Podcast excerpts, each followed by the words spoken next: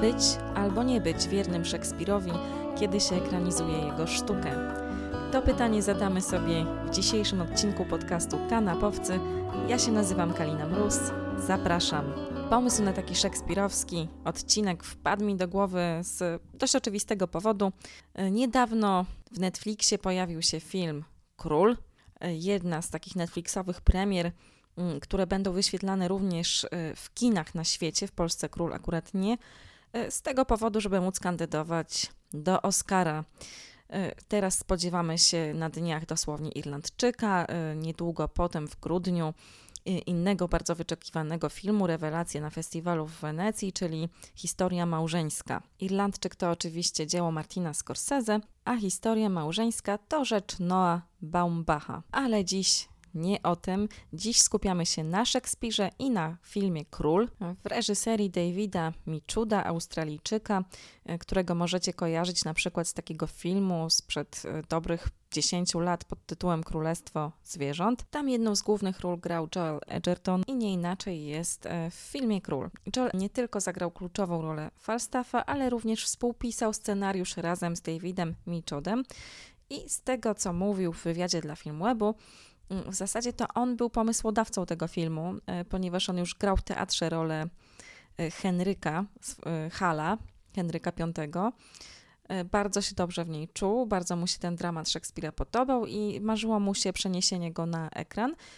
Chociaż ekranizowano Henryka V już wielokrotnie. Taka kanoniczna i najsłynniejsza wersja pochodzi z 1989 roku. Jest to oczywiście film Keneta Branaka z nim samym w roli Hala Henryka V e, oraz e, z Emma Thompson w roli francuskiej księżniczki jego ukochanej. Film nagrodzony Oscarem za kostiumy, nominowany do Oscara za najlepszą rolę pierwszoplanową dla Kenneta Branaka i generalnie jest to taka bardzo wierna, bardzo zgodna z duchem dramatu Szekspira ekranizacja trochę już dzisiaj może zapomniana, nie bez przyczyny, ponieważ współcześni twórcy zwykle, kiedy biorą się za Szekspira, e, coś z nim kombinują, przenoszą go na przykład do różnych e, współcześniejszych epok, e, próbują go jakoś na różne sposoby interpretować przez pryzmat współczesnych wydarzeń.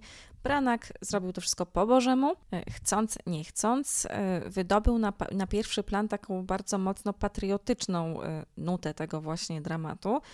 E, który uchodzi za w zasadzie chyba najbardziej taki e, budujący narodowościowy duch e, Brytyjczyków z szekspirowskich dramatów. Zdaje się nawet, że jest to woda na młyn, czy bywa to woda na młyn brytyjskich nacjonalistów i nawet już w historii Wielkiej Brytanii się zdarzało, że właśnie nacjonaliści powoływali się na Henryka V głosząc swoje hasła. Natomiast to oczywiście nie jest wina Szekspira, że ktoś sobie to interpretuje, jego dzieło tak, a nie inaczej. Ale generalnie tutaj chodzi o to, że cały ten dramat e, jest osnuty wokół bitwy pod Azincourt, która uchodzi za jedno z największych triumfów e, Wielkiej Brytanii w historii tego kraju. Y, triumfów militarnych oczywiście. To było ogromne, y, szokujące zwycięstwo nad armią francuską w czasie wojny stuletniej z 1415 roku. Zwycięstwo zaskakujące, zwycięstwo strategiczne i jeszcze do tego armia angielska była prowadzona przez bardzo młodego króla Henryka V. Ale nie ma się co rozwodzić y, nad rysem historycznym tej akurat opowieści, dlatego że Szekspir sobie napisał tę wersję historii bardzo mocno po swojemu, e, wykorzystał ją do tego, e, żeby opowiedzieć o przemianie, o dojrzewaniu młodego władcy do roli króla i historię potraktował bardzo luźno. Zresztą on pisał ten dramat bodajże około 1599 roku e, i wiadomo, że kronikami historycznymi posługiwał się e, po swojemu z dużą wolnością artystyczną. Inną taką kanoniczną ekranizacją Henryka V jest, jest na przykład odcinek z miniserialu The Hollow Crown, e, którego twórcy wzięli na warsztat w zasadzie wszystkie te kronikarskie dramaty Szekspira najważniejsze, czyli Ryszarda II, Henryka IV, Henryka V właśnie z Tomem Hiddlestonem w roli głównej, Henryka VI i Ryszarda III. W tym, w tym miniserialu brytyjskim, e, właśnie jak wspomniałam, rolę Hala Henryka V zagrał e, Tom Hiddleston. To już jest zdecydowanie bardziej kameralnie. Król e, Henryk nie jest już opromieniony tą taką patriotycz, patriotyczną aurą jak u Kenneta Branagha, e, ale nadal jest to ekranizacja bardzo mocno wierna Szekspirowi. Aktorzy mówią jak najbardziej szekspirowską frazą. E, przemowa Henryka, taka bardzo słynna przed bitwą pod Azincourt, E, ma też szekspirowską wymowę jak najbardziej w takim duchu bardzo no, budującym właśnie ducha narodu, jednoczącym. Także no, jeżeli, no to jest świetna po prostu lektura szkolna dla dzieciaków, czy dla kogoś, kto nie chce czytać y, dramatów Szekspira. A swoją drogą, tak e, już e, abstrahując, bardzo zachęcam, żeby Szekspira jednak czytać, nie tylko go oglądać, dlatego że naprawdę to są niesamowicie pięknie napisane dramaty, do dzisiaj bardzo ważne i aktualne. E, poza tym pewne frazy, pewne takie pewne powiedzenia, pewne tam frazeologizmy, które są zawarte w tych dramatach, są bardzo często wykorzystywane w kulturze i popkulturze na różne sposoby, przywoływane i warto mieć tego świadomość. Także no, nie odkładajcie Szekspira na zakurzoną półkę. Ja strasznie dużo czytałam Szekspira w liceum, pamiętam. Jakoś tak się bardzo nim y, jarałam wtedy. Więc skoro nastolatkę, która wcale nie była typem kujona, zaznaczam, y, ja miałam tam swoje różne zainteresowania pozaszkolne, dosyć zabawne, y, i interesowały takie rzeczy jak Szekspir, to na pewno może, może on zainteresować każdego w każdym wieku. Ale wróćmy już teraz do filmu Król Davida Mishuda. Mam nadzieję, że dobrze wypowiadam to nazwisko. Powiem Wam szczerze, że ja bardzo na ten film czekałam i miałam wielką nadzieję, że to będzie dobre. Bo e, zwiastun wyglądał bardzo interesująco. Fotosy z planu, które już obiegały świat na długo przed premierą, też wyglądały niezwykle ciekawie. Do tego obsada, no Timothée Chalamet e, w roli głównej e, jako Henryk V, wreszcie król, aktor grający króla w odpowiednim wieku, no bo Henryk V w dramacie Szekspira ma właśnie około 24-25 lat. Timotej ma w tej chwili lat 23. Nie bez przyczyny wypowiadam to imię tak, jak wypowiadam. Wiem, że Timotej Chalamet samo sobie mówi Timothy, po prostu wypowiada to imię, znaczy no, w wersji angielskiej generalnie rzecz biorąc, ponieważ uważa, że jego francuska wymowa może być pretensjonalna i za trudna y, dla amerykańskich krajonów. Ja akurat się uczyłam francuskiego, nie mam z tym problemu, mogę wypowiadać jego imię tak, jak brzmi naprawdę, czyli Timothée, tak to się powinno wypowiadać. Zawsze mnie to śmieszy, że właśnie czasami aktorzy, którzy mają jakieś trudne imię albo nazwisko, bardzo próbują wszystkim ułatwić i właśnie y, po angielsku wymawiają je. Na przykład Matthias Hunarts, y, którego kocham i uwielbiam, y, holenderski aktor, w zasadzie flamandzki, on się godzi na to, żeby jego nazwisko wypowiadać jakoś tak Schunarts, jakoś tak, e, jakoś Schunarts, nie pamiętam, ale w każdym jak to wymawiają angielscy dziennikarze. Ale on się na to godzi i pamiętam, jak Marion Cotillard w jakimś wywiadzie się z niego naśmiewała, że jak ty możesz w ogóle nie tu, jakby jak możesz się wstydzić swojego nazwiska i nie uczyć ludzi odpowiedniej wymowy. No więc Timothée Chalamet w roli Henryka V, jedna z bardziej elektryzujących y, młodych gwiazd współczesnego kina.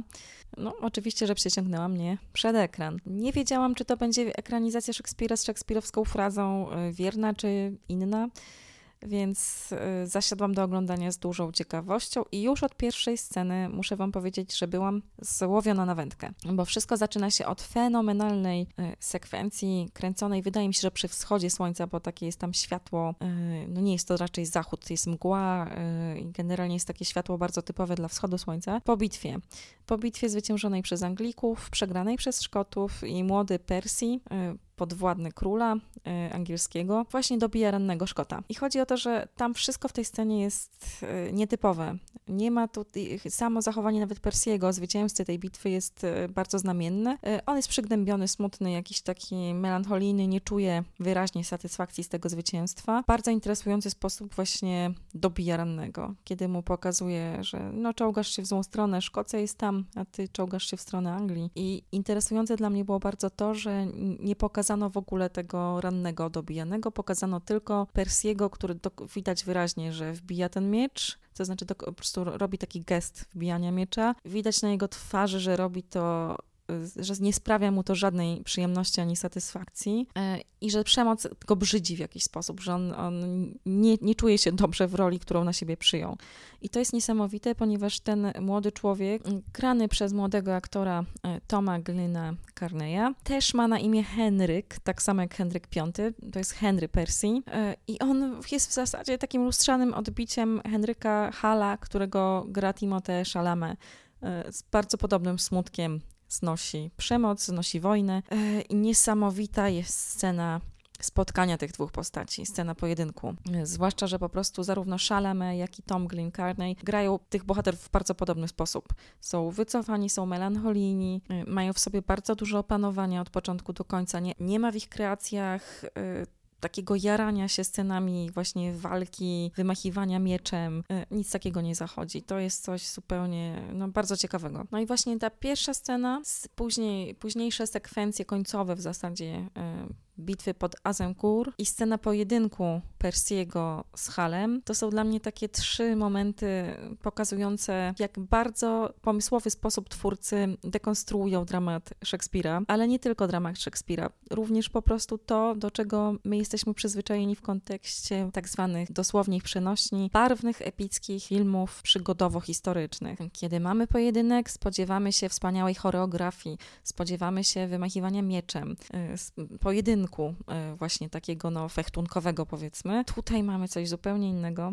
Tu mamy taki bardzo brzydki pojedynek wręcz. Taki, no to przypomina no, tarzanie się w błocie, jakiś rodzaj zapasów, ale takich naprawdę nieładnych, tak jakby dwóch y, młodych ludzi po prostu rzuciło się na siebie do gardła i próbowało się nawzajem y, w jakiś taki rozpaczliwy sposób rozszarpać. Nie ma w tym niczego, niczego pięknego. I od początku do końca twórcy kładą nacisk właśnie na to, że przemoc nie jest niczym pięknym, nie jest niczym, czym można się jarać, y, nie jest niczym, co może być być albo powinno być fotogeniczne i są całkowicie przeciwni estetyzowaniu przemocy w jakikolwiek sposób. To jest głęboko pacyfistyczny film. Bitwa pod Azincourt, którą zresztą wielu historyków uważało, yy, znaczy uważa do dzisiaj. Ja nie jestem historykiem, od razu mówię, że to, co mówię w tej chwili, to jest bardzo powierzchowne, jest płycone yy, jakby mówienie o historii.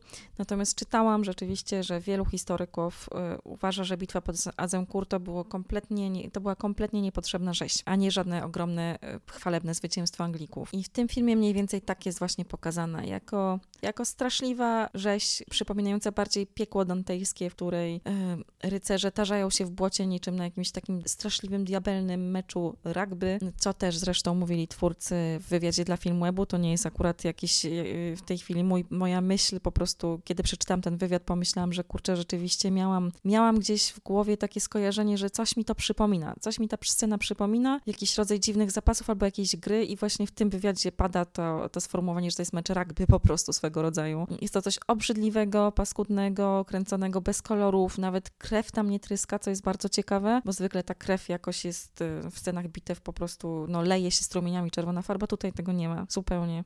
Jest głównie błoto, rycerze bez twarzy, yy, nic pięknego.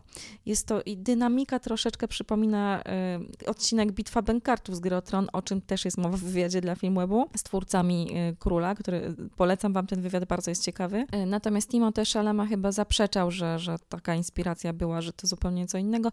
I rzeczywiście mm, ja też mówię, że dlatego, że jednak Bitwa Pękarczów była bardzo, bardzo spektakularna, bardzo jednak e, właśnie taka, e, no to, to była przemoc jednak w jakiś sposób wyestetyzowana. Tutaj, tutaj zabieg jest podobny, to znaczy mamy skłębione ciała, mamy tutaj scenę zgniatania jednego z bohaterów Falstaffa konkretnie e, przez taką dziką masę ludzi walczących ze sobą bez ładu i składu i w zasadzie nie widać, kto tu jest wrogiem, tak jakby ci ludzie po prostu rzucali się na siebie sami tak naprawdę nie wiedzieli, kogo rozszarpują już. No więc sposób, w jaki ta bitwa jest sfilmowana i przedstawiona tak w tak bardzo odmienny sposób e, od poprzednich ekranizacji Henryka V i w ogóle od e, scen właśnie militarnych scen bitewnych e, z różnych wielkich filmów historycznych. No, ten sposób jest bardzo znamienny. Myślę, że też jest takim credo całego tego filmu, który właśnie ma wymowę stricte pacyfistyczną i którego puenta, oczywiście nie chcę wam już tutaj wszystkiego zdradzać, ale jest mniej więcej taka, że wojny zwykle nie mają sensu i są jakimś takim odbiciem czyichś po prostu chorych ambicji pewnych jednostek. A jeżeli chodzi o rolę Timothée Chalamet, to muszę wam powiedzieć, e, że w pierwszej chwili przez pierwszych, no nie wiem, parędziesiąt nawet minut, nie byłam do końca pewna, czy to jest taki dobry wybór obsadowy, a to chyba dlatego, że miałam w głowie po prostu zakodowane takie stereotypowe postrzeganie e, władcy rycerza właśnie jako jednak takich bardzo męskich mężczyzn, przypakowanych, postawnych, charyzmatycznych przede wszystkim, bo tu chodzi, tu jest bardzo ważny sposób, w jaki Timothy gra tę postać.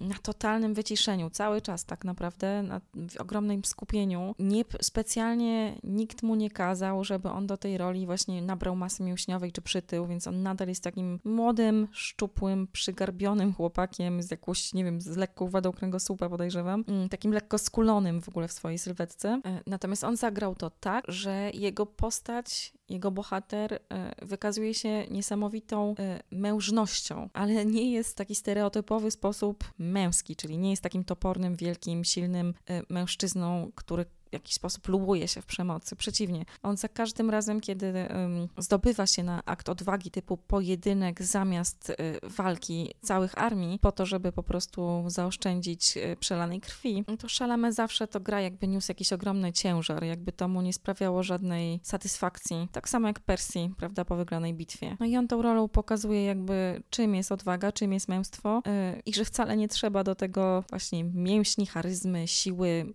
że młody, wyciszony drobny, e, spokojny, przede wszystkim opanowany chłopak e, może być bardzo męski, e, a w każdym razie mężny na pewno. Mężna może być też kobieta, co jest pokazane, kiedy pojawia się francuska księżniczka, grana przez Lily Rose Depp, córkę Johniego Deppa i Vanessy Paradis, dziewczyna młoda, obdarzona niezwykle nietuzinkową urodą i to jest w sumie pierwsza taka większa rola i ciekawsza, jaką zdarzyło mi się widzieć. Tam jeszcze elektryzowało wszystkich to, że oni się zdaje się z Timothy, jest właśnie z Lily Rose przez jakiś czas nawet spotykali, więc tam plotkarskie media huczały, ale to już jest taka nieistotna dygresja. Istotne jest raczej to, że wszyscy się spodziewali na ekranie płomiennego romansu pary frankofońskich aktorów, w każdym razie w połowie frankofońskich, no bo zarówno Timothy Chalamet, jak i Lily Rose Depp mają w połowie francuską w swoich żyłach, a w tym filmie się okazuje, że jest znowu zupełnie inaczej. Nie spodziewajcie się tam namiętnych pocałunków ani wielkich romansów, spodziewajcie się natomiast bardzo ciekawej postaci kobiecej, mm, która ma głowę na karku i która potrafi e, pewnemu młodemu idealiście wytłumaczyć, jak bardzo został zmanipulowany przez swoich doradców i jak bardzo jest nadal niemądry, jak wielkie popełnił błędy, a w swojej pysze tego nie zauważał, ponieważ właśnie trochę o to chodzi w postaci Henryka, że on nie chce być swoim ojcem, w takim sensie, że jego ojciec Henryk IV nie liczył się z ludzkim życiem. Y, na pierwszym miejscu stawiał swoje wielkie y, ambicje, takie właśnie nacjonalistyczne, y, ale przede wszystkim no, miał w sobie jakiś też rodzaj takiego szaleństwa i brawury, która pchała kolejne armię na śmierć, kolejnych ludzi na śmierć. On się z tą krwią nie liczył rozlaną. Mm, Henryk się mu bardzo sprzeciwia, Henryk V chce być innym rodzajem władcy, mądrzejszym, y, chce właśnie zawsze za każdą cenę ratować to ludzkie życie, ale bieg wydarzeń doradcy, jego własna pycha przede wszystkim, której on nie zauważa. To jest dosyć ważne, że właśnie on, on jest jednak po prostu pysznym młodym człowiekiem, który jest przekonany o tym, że jest zupełnie inny niż własny ojciec i przez to właśnie nie potrafi spojrzeć na siebie krytycznie i z dystansem i nie potrafi zauważyć, że on też ma pewne wady ojcowskie, które się uwydatniają, kiedy założył koronę. Być może po prostu każdy, kto założy koronę, e, staje się trochę niewolnikiem swojej ambicji e, i daje się wmanewrowywać pewne rzeczy, zwłaszcza w przemoc. I to on, właśnie władca, bierze za to odpowiedzialność, a nie jego zmarły ojciec. No także muszę przyznać, że jestem pod bardzo dużym wrażeniem dojrzałości aktorskiej tego młodego chłopaka, jakim jest Timothée Chalamet, bo naprawdę udźwignął tę rolę, e, pokazał ją w bardzo wielu odcieniach e, za pomocą naprawdę bardzo subtelnych e, środków wyrazu, w kontraście do na przykład Roberta Pattinsona, który zagrał francuskiego delfina, młodego księcia, e, syna szalonego króla Francji. E, no i cóż, jakoś tak przed obejrzeniem króla. Gdzieś mi mignęła jakaś recenzja, nie wiem, być może to było z IndieWire, może, ale mogę się mylić, bo już mi się szczerze mówiąc nie chciało tego sprawdzać. W każdym razie mignęła mi jakaś taka recenzja, w której ktoś napisał, że właśnie Robert Pattinson tutaj miażdży w jednych, w kilku scenach Timothée Chalamet mm, i w ogóle, że ten film to jest tak generalnie taki sobie trochę nudny.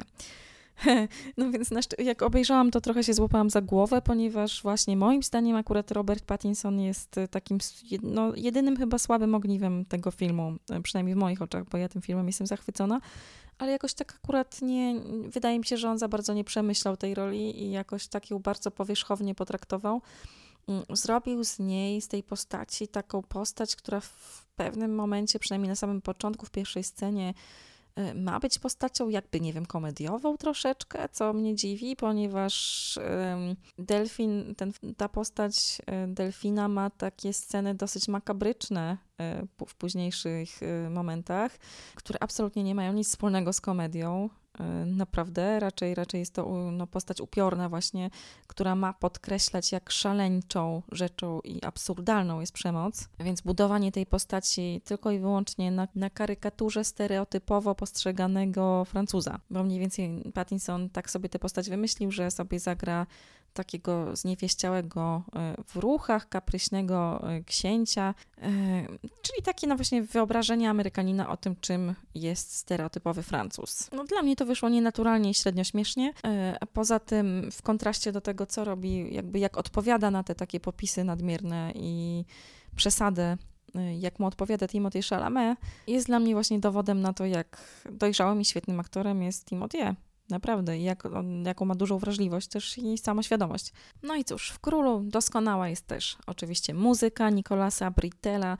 To jest teraz jeden z najważniejszych e, kompozytorów e, filmowo-serialowych. E, on napisał na przykład muzykę do Moonlight, do Vice, do Big Short i do sukcesji. Nie wiem, czy do serialu Sukcesja, o którym jeszcze zresztą wspomnę.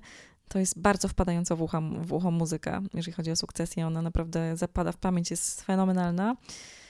Warto zwrócić uwagę, jeżeli chodzi o króla, oczywiście na zdjęcia. To znaczy, w zasadzie nie da się nie zwrócić uwagi na zdjęcia, ponieważ one zapierają dech.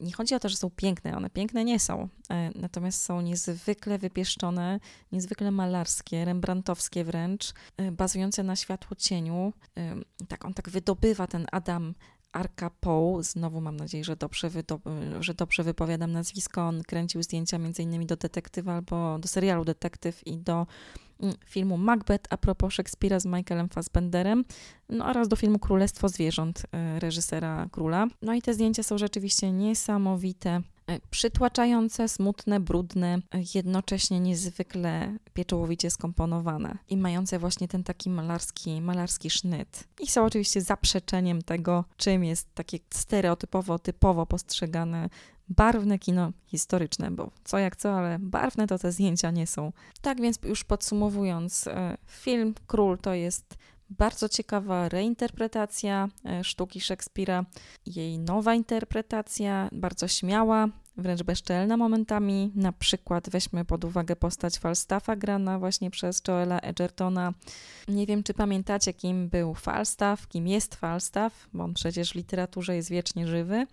E, to jest taki pierwowzór Sienkiewiczowskiego pana Zagłoby, e, albo Papkina Aleksandra Fredry, czyli taki rubaszny starszy Pan Pius, y, człowiek tchórzliwy raczej, przynajmniej mm, na, na, pierwszy rzut oka tchórzliwy, taki no też mitoman, opowiadający na swój temat niesamowite historie, w rzeczywistości pierwszy uciekający z pola bitwy. Mm, natomiast jednocześnie obok tych wszystkich takich właśnie rubasznych cech, jest to w ogóle zwykle postać komediowa, zaznaczmy też, w dramatach Szekspira. Mm, zresztą właśnie w, w Henryku V Falstaff się pojawia no, w dużej mierze po to, żeby ten pierwiastek komediowy e, dorzucić e, do sztuki, ale obok tych wszystkich cech jest to też mędrzec. Mm, I trzeba to o tym pamiętać, że Falstaff, e, Falstaffa nie, na, nie należy sprowadzać tylko do roli właśnie takiego mm, rubasznego, zapitego grubaska, e, który coś tam śmiesznego powie, e, ale jest to też człowiek o ogromnej mądrości, ogromnej wiedzy, ogromnym doświadczeniu, który mm, no, różnymi swoimi komentarzami potrafi właśnie uchwycić istotę rzeczy.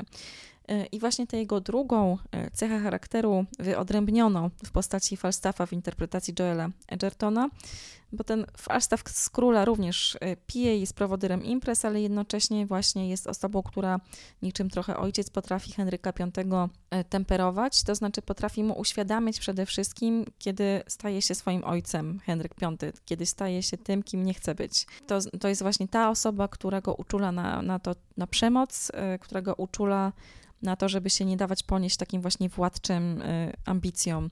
Bardzo to jest ciekawe. Mm, podobnie tak, jeżeli chodzi o Szekspira, niezwykle interesująca jest y, scena przemowy Henryka V przed bitwą pod Azincourt.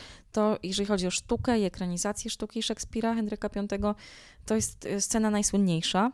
Mm, tutaj jest kompletnie zdekonstruowana, napisana od nowa, zagrana genialnie przez Szalamę, y, ponieważ jest to taka nacjonalistyczna, ale przesycona też hipokryzją przemowa, która naprawdę porywa tłumy w jakiś tam sposób, e, to znaczy do której nie jest przekonany sam mówiący, e, w którą nie wiadomo, czy wierzą żołnierze, ponieważ ich twarze są zasłonięte przez przyłbice i oni też nie reagują jakoś specjalnie żywiołowo, jak to zwykle jest w tego typu scenach, prawda, że król przemawia, potem jest dziki krzyk radości, prawda, krzyk takich ludzi, którzy wierzą w swojego króla, tutaj to wygląda trochę inaczej, no ale przede wszystkim też bardzo ciekawe jest to, że on wchodzi między tych żołnierzy też, że się z nimi równa, że jakby nie mówi z tego piedestału, na przykład na koniu bardzo często, y, kiedy jest przemowa, po prostu jest tak, że właśnie władca jedzie na koniu, prawda, tutaj y, i przemawia. Nie, on się tutaj równa ze swoimi żołnierzami. I w ten sposób też działa na ich morale, ale jest to takie działanie dosyć cyniczne. Także no myślę, że Król film bardzo ważny, zwłaszcza w dzisiejszych czasach. Jeżeli chodzi o sztukę, to na pewno zachowano tutaj ten motyw dojrzewania młodego władcy do królowania, do, do, do, do bycia dojrzałym, y, samoświadomym władcą. Y, z tym, że jest to bardzo przewrotnie potraktowane, przeinterpretowane, odwrócone. No, ciekawe. Także słuchajcie, Król zrobił na mnie ogromne wrażenie. Bardzo gorąco Wam ten film polecam. Zaznaczam przy tym, że jest to kino arthouse'owe, wolne. Y, nie sądzę, żeby ten film miał jakieś znaczenie w wyścigu po Oscary na przykład. Jakoś tak wydaje mi się, że ten film jest zbyt y, artystyczny po prostu właśnie zbyt arthouse'owy e, na taki oscarowy rozmach. A rola na przykład Timothy'a Chalameta jest zbyt wyciszona. E, jakby mam wrażenie, że amerykańska Akademia Filmowa bardziej lubi popisy w stylu Pattinsona właśnie. Jeżeli już, to może jego tam jakoś będą wyróżniać. Co jeszcze poza tym można Szekspirowskiego tak swoją drogą oglądać na VOD? E, jest tego trochę. Przede wszystkim jest Król Lear w HBO Go. Telewizyjna produkcja z Antonym Hopkinsem w roli tytułowej, y, z Emma Thompson w roli jego najstarszej córki, y, z Emily Watson w roli córki średniej y, oraz z, jednym, z jedną z najpopularniejszych obecnie młodych aktorek i bardzo zdolną Florence Pugh w roli najmłodszej odrzuconej przez Lira córki. To jest produkcja brytyjska, telewizyjna. Wyreżyserował to Richard Ayer, E, mało znany w sumie taki reżyser w tej chwili, ale ma na koncie takie filmy jak Iris e, i notatki o skandalu z, Judy Dench. Także, no, mówię, trochę zapomniany, ale, ale wyreżyserował filmy, o których było głośno. Oprócz tego w HBO Go można też oglądać Ryszarda III, tak a propos Henryka V, no bo to jest właśnie jeden z tych jego dramatów kronikarskich. E, film z 1995 roku z Ianem McKellenem w roli Ryszarda III. Tutaj Christine Scott Thomas też gra, e, gra też Annette Bening albo Robert Downey Jr. młody, więc obsada jest naprawdę bardzo zacna. E, reżyser to Richard Longcrane. On nakręcił na przykład taki film jak Wimbledon z 2004 roku z moim ulubionym aktorem, znaczy jednym z ulubionych aktorów Polem Bettanym. Mm, i partnerującą mu Kirsten Dunst. Ryszard III to jest uwspółcześniony dramat Szekspira. Przeniesiono akcję do lat 30. XX wieku i tytułowy król jest tutaj potraktowany, przedstawiony trochę jak taki Hitler e, i taki no właśnie nacjonalizujący, potworny zły człowiek. Ciekawe, ciekawie to jest zrobione, bardzo Wam polecam, jeżeli chcecie się zapoznać z tym dramatem, ponieważ on w Polsce raczej nie jest specjalnie y, znany. E, jeżeli chodzi o Prime Video, no to tam jest Sen Nocy Letniej z 1999 roku, no też z taką bardzo zacną obsadą. E, Rupert Everett w roli króla, króla Oberona, Michelle Pfeiffer jako Tytania, Stanley Tucci w roli Puka i Kalista Flockhart jako Helena, co ciekawe. Też tam Christian Bale się pojawia, Dominic West reżyseruje Michael Hoffman. To była taka dosyć dobrze przyjęta ekranizacja, z tego co pamiętam. Ja już sobie muszę przypomnieć, teraz nie, nie miałam szczerze mówiąc na to czasu, ale zaznaczam, że jest w Prime Video, więc można to bez problemu zrobić. I z tego co pamiętam, ona była też bardzo wierna Szekspirowi, chociaż też chyba um, uwspółcześniona. W ogóle, no dzisiaj się po prostu tego Szekspira notorycznie uwspółcześnia, więc tym fajniej, że w Królu tego nie zrobiono, a mimo tego jego wymowa jest bardzo współczesna. A jeżeli chodzi o Netflix, no to tam jest co? Zakochany Szekspir.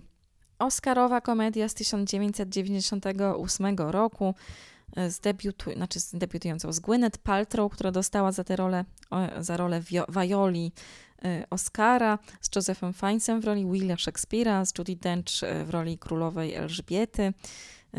No ten film w zasadzie dzisiaj go trochę nikt nie pamięta, ale wtedy właśnie w tym 98 roku to była jakaś oscarowa po prostu jakieś oscarowe szaleństwo. Siedem Oscarów ten film zdobył, teraz właśnie sprawdziłam. No cóż, no to jest taka historia, z tego co pamiętam, mocno genderowa i ma, bardzo mało ma e, wspólnego z, prawdziwym, z prawdziwą historią Williama Shakespeare'a. Warto to tylko obejrzeć, żeby sobie zobaczyć bardzo ładne kostiumy. Mm, przypom- świetną Judy Dench właśnie w roli królowej Elżbiety. I tyle tak naprawdę, bo czy, to, czy ta rola Gwyneth Paltrow była skorowa, no to raczej nie. Także kochani, czytajcie Szekspira, oglądajcie ekranizację Szekspira. On się nie starzeje i się nigdy nie zestarzeje. Natomiast warto ryzykować, warto go przepisywać i inspirować się nim i kręcić dzieła o nowej jakości, jak to zrobiono właśnie w przypadku filmu Król, który Wam bardzo polecam. Zaglądajcie na Facebooka Kanapowców, y, Małpa Kanapowcy Podcast, taki sam adres Instagrama, na wyborczej.pl ukośnik TV. Y, nasze teksty mm, na temat filmów i seriali dostępnych na VOD, ale też w telewizji co piątek łapcie gazetę wyborczą z dodatkiem Wyborcze TV. Do usłyszenia następnym razem.